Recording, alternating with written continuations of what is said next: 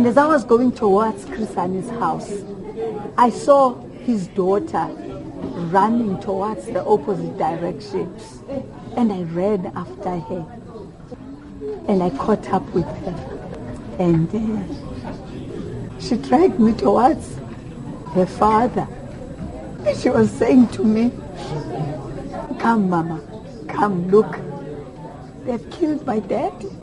'n Nuusleser by die SAK, Nkola Grootboom, het langs Chris Hani gewoon in Don Park, Boksburg aan die Oosrand. Sy was op 10 April 1993 een van die eerste mense op die moordtoneel. Hani is in die oprit van sy huis geskiet. Kort daarna het die destydse woordvoerder van die Witwatersrandse polisie, brigadier Frans Malherbe, die ergste bevestig. Some of these shots were fired at close range, pointing to the fact that the man doing the shooting must have perhaps got out of his car and fired shots at close range. I'm unfortunate to announce that Mr. Hani has, has been killed instantly.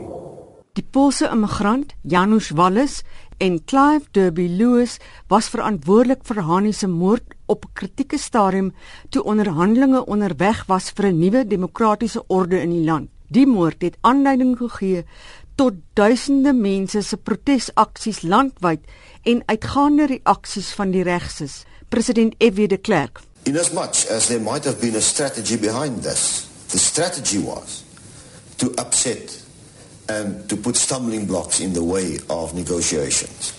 We must not allow that to happen.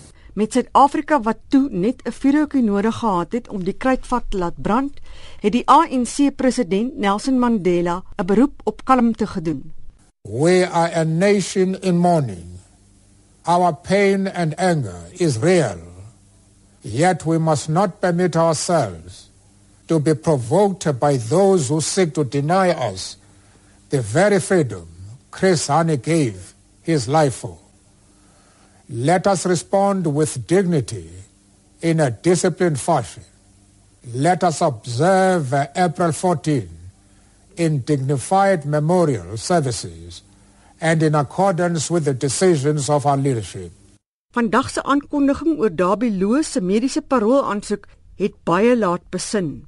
Toke Sekwale was Chris Hani se kameraad.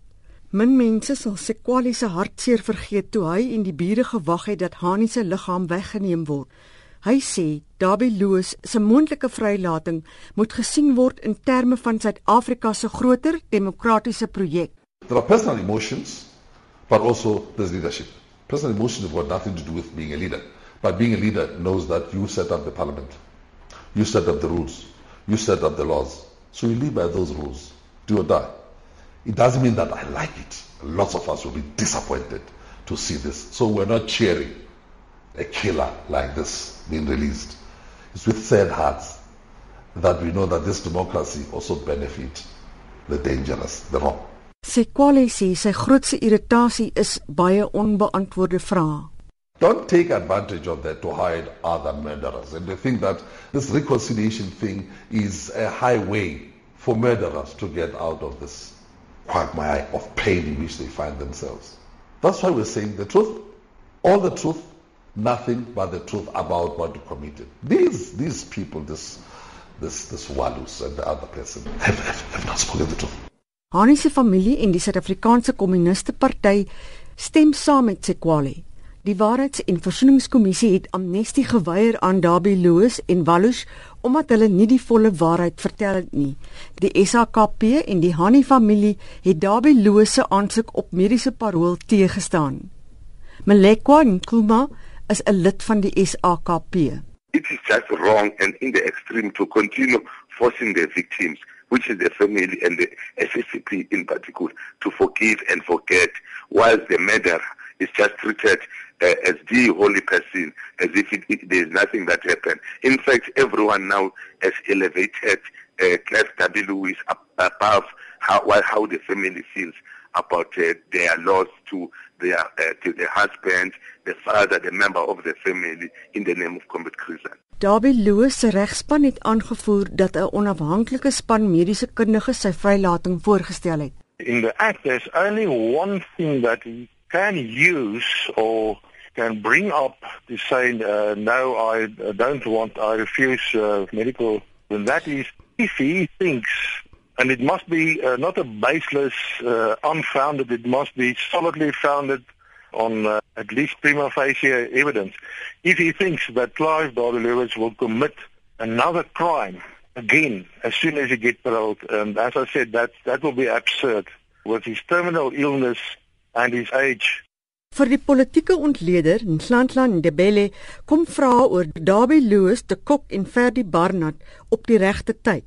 Hy sê die sukses of gebrek van Suid-Afrika se 21 jaar se versoeningsprojek moet getoets word. It's an opportunity for us to to try to understand where we are as a people. To what extent have you know people repentant and to what extent are, are those who have been wronged are, are willing to forgive. I think he must be released. Our Ubuntu shouldn't be defined and held at ransom by an, an Afrikaner who, who doesn't want to repent.